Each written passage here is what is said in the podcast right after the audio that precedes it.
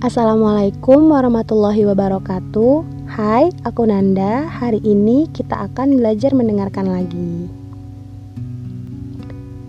Sebelumnya aku minta maaf banget karena uh, ngupload podcast ini telat banget dari podcast yang sebelumnya.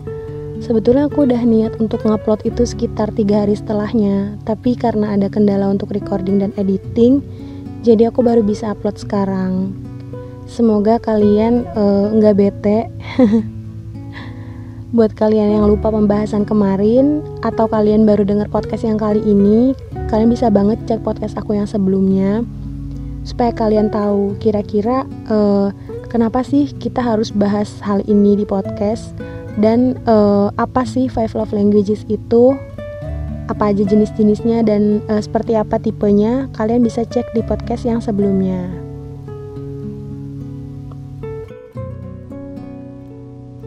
Nah, di podcast yang kali ini aku pengen bahas tentang how to atau e, gimana sih caranya untuk berkomunikasi yang efektif ke tiap-tiap love languages yang udah kita bahas kemarin. Langsung aja, kita akan masuk ke love languages yang pertama yaitu words of affirmation. Nah, kemarin kan kita udah bahas nih kalau untuk bahasa cinta words of affirmation ini kuncinya ada di kata-kata. Jadi aku udah nge-highlight 4 poin yang sekiranya jadi kunci untuk bisa berkomunikasi secara efektif dengan uh, jenis bahasa cinta yang satu ini. Yang pertama ada mensupport, yang kedua ada menegaskan, yang ketiga ada apresiasi, dan yang keempat uh, mendengarkan. Jadi uh, untuk orang-orang yang tipe bahasa cintanya words of affirmation ini, kalian harus ada untuk memberi support ketika mereka mau menghadapi ujian atau ketika sedang ditimpa masalah dalam kehidupan sehari-harinya. Dan kalian juga harus bisa memberikan penegasan-penegasan. Contohnya kayak bilang, e, aku tuh beruntung banget punya teman seperti kamu. Bentuknya nggak harus selalu pujian, tapi bisa juga penegasan seperti kamu benar-benar membutuhkan dia atau kamu benar-benar butuh bantuannya. Dan kalian juga harus memberikan apresiasi. Uh, Sebenarnya nggak perlu yang muluk-muluk ya, karena orang-orang dengan bahasa words of affirmation ini ketika dibilang terima kasih pun dia udah merasa cukup gitu. Dan yang keempat adalah mendengarkan jadi selain mereka suka menerima kata-kata, mereka juga suka uh, membagikan gitu, membagikan kata-kata, bercerita tentang kejadian-kejadian yang terjadi dalam kehidupan sehari-hari mereka, atau bercerita tentang masalah-masalah yang mungkin sedang mereka hadapi. Nah, peran kalian di sini adalah menjadi pendengar yang baik. Untuk do's and don'ts-nya, ada beberapa hal yang bisa kalian lakuin. Di antaranya, uh, kalian bisa kirim ucapan-ucapan yang tak terduga. Kayak ucapan uh, selamat pagi atau misalnya lagi mau ujian nih kalian tiba-tiba kirim uh, ucapan semangat. Selain itu kalian juga bisa membiasakan three magic words kayak terima kasih, tolong, dan maaf sama orang-orang yang bahasa cintanya words of affirmation ini. Karena uh, mereka bukan hanya menyukai hal ini tapi justru mereka membutuhkannya.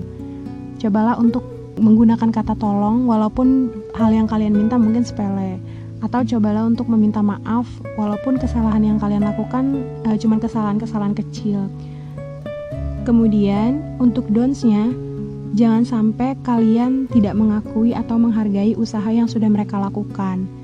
Nah, ini jangankan uh, memberi apresiasi gitu, bahkan mengakui pun enggak. Ini selain membuat mereka sedih juga mungkin akan bikin mereka sakit hati. Selain itu, hindari juga kata-kata yang menyakitkan, uh, seperti kata-kata kasar. Ini juga sebenarnya sangat berpengaruh buat orang-orang yang uh, bahasa cintanya itu words of affirmation. Kemudian yang terakhir, uh, jangan mengkritik sesuatu yang tidak perlu. Jadi kalian boleh memberikan kritik, bukan berarti mereka nggak menerima kritik ya. Mereka menerima, hanya saja uh, kalau bisa kritiknya disertai saran dan tidak perlu mengkritik hal-hal yang sekiranya tidak terlalu penting gitu. Nah, kita lanjut ke tipe bahasa cinta yang kedua, yaitu quality time. Nah, buat tipe ini, cara berkomunikasi yang paling efektif adalah dengan melakukan percakapan yang fokus dan tidak terganggu, serta menyediakan uh, waktu untuk bersama yang cukup intens. Jadi uh, mereka ini sangat suka deep conversation, ngobrolin tentang hal-hal yang ada topiknya. Jadi kayak diskusi atau tukar pikiran. Untuk do's and don'ts-nya sendiri, ada lumayan banyak hal yang bisa kalian lakuin untuk bikin orang yang bahasa cintanya quality time ini jadi ngerasa nyaman dan seneng berkomunikasi sama kalian. Yang pertama, kalian bisa bikin momen-momen istimewa sama mereka. Contohnya, kayak misalnya adik kalian nih, bahasa cintanya quality time. Kalian bisa setiap Sabtu pagi ajak mereka untuk jogging bareng atau jalan-jalan bareng. Gak ada tujuan tertentu, hanya untuk ngobrol aja, hanya untuk ngabisin waktu bersama aja gitu. Ini akan sangat berdampak buat mereka untuk membuat mereka merasa lebih dekat sama kalian. Selain itu, kalian juga bisa melakukan hal-hal kecil bersama. Contohnya kayak masak bareng, nonton bareng, membersihin rumah bareng, olahraga bareng. Nah, eh, pokoknya semakin banyak waktu yang kalian habiskan bersama mereka dan semakin banyak deep conversation yang kalian lakukan bersama mereka, mereka akan merasa semakin dekat dan nyaman sehingga mereka senang komunikasi sama kalian. Untuk don'ts-nya sendiri, Jangan sampai ketika kalian lagi dalam suatu momen bersama atau lagi dalam deep conversation bersama tiba-tiba terputus gitu aja. Misalnya nih, kalian lagi ngobrol enak-enak, lagi deep conversation di telepon misalnya. Terus tiba-tiba ada hal lain yang harus kalian kerjakan dan kalian memutus percakapan itu sebelum selesai gitu. Misalnya lagi momen bareng nih, atau lagi nonton bareng tiba-tiba kalian harus mengerjakan urusan pekerjaan atau hal lain yang membuat kalian dan uh, orang yang bahasa cintanya quality time ini terdistract. Ini akan membuat mereka merasa sedih dan kecewa. Yang ketiga adalah tipe bahasa cinta yang receiving gift. Kemarin kita udah disclaimer ya, kalau misalnya orang yang bahasa cintanya receiving gift ini bukan berarti dia materialistis karena fokusnya bukan ke benda yang dikasih, tapi uh, keperhatiannya, seberapa banyak kalian mengingat dia, seberapa banyak kalian meletakkan dia sebagai prioritas. Maka cara berkomunikasi yang paling efektif dengan orang-orang tipe ini adalah memberikan perhatian dan menjadikan dia sebagai prioritas. Untuk do's and don'ts-nya yang bisa kalian lakukan, yang pertama, yang pasti memberikan hadiah. Jadi hadiahnya ini diberikan sebagai bentuk perhatian. Misalnya nih, adik kalian adalah orang yang tipe bahasa cintanya itu receiving gift dan dia uh, ada barang yang sejak lama dia tuh pengen banget. Nah, kalian bisa memberikan barang ini untuk dia sebagai bentuk perhatian. Dia akan ngerasa kalau kalian benar-benar memperhatikan dan mengingat dia. Yang kedua juga kalian bisa menunjukkan uh, rasa bersyukur ketika dia memberikan hadiah pada kalian kita kan tahu nih kalau bahasa cinta itu bukan hanya tentang bagaimana kita harus memperlakukan dia, tapi juga gambaran bagaimana dia akan memperlakukan kita. Jadi uh, dalam kasus orang-orang yang bahasa cintanya receiving gift ini, mereka bukan hanya mau dapat hadiah, tapi mereka juga akan ngasih banyak hadiah ke kalian gitu. Dan yang harus kalian lakukan adalah menunjukkan sikap bersyukur ketika dia memberikan kalian hadiah, apa pun itu. Misalnya nih, dia ngasih topi, kalian pakai topinya. Atau dia ngasih makanan, terus kalian bawa pulang. Nah, bisa ketika kalian makan, kalian foto dan kirim gitu deh ke dia bilang kalau makasih ya aku seneng banget deh dapat makanan ini dari kamu nah untuk donsnya sendiri yang pertama jangan sampai kalian tuh tidak menunjukkan antusiasme saat diberi hadiah.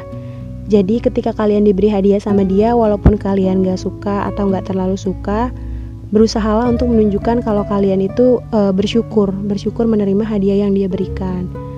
Dan yang kedua, jangan juga sampai kalian melupakan special occasion, misalnya hari ulang tahun, atau kalau ada yang menikah mungkin uh, hari anniversary pernikahan. Jangan sampai kalian melupakan hal itu, karena itu akan buat mereka merasa mereka tidak diingat dan tidak diperhatikan oleh kalian. Yang selanjutnya, tipe bahasa cinta acts of service. Untuk tipe ini, cara berkomunikasi yang paling efektifnya adalah dengan menunjukkan kalau kalian tuh mau loh membantu dia, mau meringankan beban kerjaannya, mau juga menyediakan hal-hal yang kalian tahu dia butuh. Jadi tipe ini tuh adalah tipe-tipe yang menganut bahwasannya bahasa cinta itu more than words. Jadi kalian harus benar-benar action untuk menunjukkan kalau kalian itu mau membantu dia.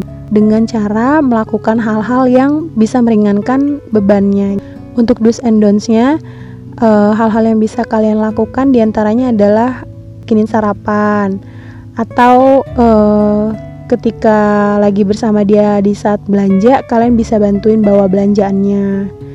Misalnya dia lagi belajar nih, kalian bisa bawain air minum atau bantuin review bacaannya. Sementara untuk donsnya, uh, hal yang harus kalian hindari adalah melanggar komitmen tugas. Misalnya, uh, kalian udah bagi tugas nih sama dia, kamu yang nyapu, aku yang ngepel ya, misalnya kayak gitu. Tiba-tiba kamu melanggar komitmennya, kamu nggak jadi ngepel. Ini membuat dia kecewa, membuat dia merasa uh, kamu tidak tepat janji gitu. Terus membiarkan sesuatu tidak sesuai keadaan juga bakal bikin dia ngerasa kalau kamu bukan orang yang enak untuk diajak komunikasi. Dan juga jangan sampai kalian melupakan janji dengan orang-orang ini. Karena mereka sebenarnya menyukai sesuatu yang tepat gitu sih jadi kalau kalian melanggar janji atau kalian adalah tipe-tipe orang yang ketika bilang OTW tapi masih di rumah alias ngaret banget ini kalian uh, akan buat dia nggak suka sih jadi kalau bisa uh, hindari untuk melakukan hal-hal ini terutama sama orang yang bahasa cintanya acts of service oke okay? dan yang terakhir yaitu physical touch untuk orang-orang yang bahasa cintanya physical touch ini cara terbaik berkomunikasi dengan mereka adalah dengan banyak menunjukkan komunikasi nonverbal atau body language seperti menatap matanya ketika diajak bicara, terus tersenyum ketika mendengar dia bercerita terus juga gandeng tangan atau pegang kepala yang kayak gitu-gitu akan sangat efektif untuk membuat orang-orang yang bahasa cintanya physical touch ini merasa nyaman berkomunikasi dengan kalian. Untuk do's and don'ts-nya ada beberapa hal yang bisa kalian lakukan di antaranya uh, duduk berdekatan, atau cuddling, bisa juga touch hand, bersandar. Hal ini akan membuat mereka merasa kalau kalian itu nyaman berkomunikasi sama mereka, sehingga mereka juga jadi nyaman sama kalian. Kemudian hal yang harus dihindari, yang pertama adalah physical abuse. Terus kemudian juga penolakan fisik, misalnya nih kayak sering banget kan kita nemuin mau salaman tapi nggak direspon gitu. Nah, buat orang-orang yang bahasa cintanya physical touch ini benar-benar ngaruh sama perasaan mereka dan jangan juga kalian menerapkan uh, hukuman fisik buat anak-anak yang tipe bahasa cintanya ini physical touch. Misalnya anak yang nakal hukumannya disuruh push up atau disuruh lari lapangan gitu. Nah, ini buat orang-orang yang bahasa cintanya physical touch atau anak-anak yang bahasa cintanya physical touch akan sangat membuat mereka merasa sedih. Jadi, kuncinya banyak menunjukkan komunikasi nonverbal dan hindari hukuman-hukuman atau hal-hal yang sifatnya e, penolakan atau kekerasan secara fisik gitu. Nah, jadi itu tadi adalah penjelasan tentang e, bagaimana sih seharusnya kalian berkomunikasi dengan masing-masing lima tipe bahasa cinta. Aku pengen kasih tahu kalian kalau sebenarnya setiap orang tuh punya lima bahasa cinta ini. Hanya aja biasanya ada yang lebih dominan dalam diri mereka gitu. Jadi kalau kalian mau tahu Kira-kira bahasa cinta apa sih yang dominan dalam diri kalian? Kalian bisa banget langsung tes. Kalian cari aja di Google Five Love Languages gitu, nanti akan ada webnya. Kalian bisa klik web yang ada di bar pertama. Nanti akan ada 30 soal yang bisa kalian jawab. Nanti setelahnya bakalan keluar tuh hasilnya. Kalian kira-kira orang dengan tipe yang lebih cenderung ke mana nih gitu. Aku sendiri alhamdulillah udah tes. Dan hal yang paling aku rasain manfaatnya itu adalah aku lebih sadar sih sebenarnya emosi diri aku tuh arahnya ke mana. Kebetulan aku hasilnya itu quality time dan uh, words of affirmation. Nah, aku jadi lebih ngerti aja, kayak misalnya tiba-tiba aku ngerasa marah atau ngerasa nggak suka sama orang. Ternyata setelah aku telisik lagi lebih jauh, oh aku baru aja uh, membantu dia, tapi dia nggak mengapresiasi aku nih gitu. Pantesan aja aku jadi sedih dan jadi marah sama dia. Tapi kemudian aku menyadarkan diri aku lagi kalau mungkin dia nggak paham kali ya kalau aku butuh diapresiasi. Jadi lebih bisa ngerti aja sih uh, sebenarnya diriku ini ada masalah apa gitu dan uh, jadi lebih bisa juga memahami diri sendiri dan orang lain juga. Nah kalau misalnya ada orang-orang terdekat kalian yang belum tes jangan juga semerta-merta kalian suruh e, ayo kamu tes supaya aku tahu kamu maunya apa gitu. Nggak perlu kayak gitu juga.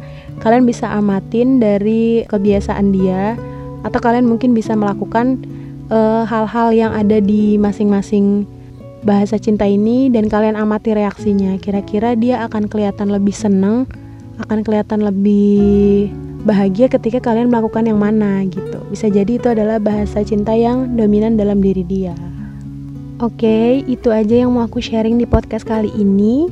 Kalau kalian ada pertanyaan, kalian bisa DM aku atau email aku atau chat aku di WhatsApp. Aku akan berusaha jawab semampu aku.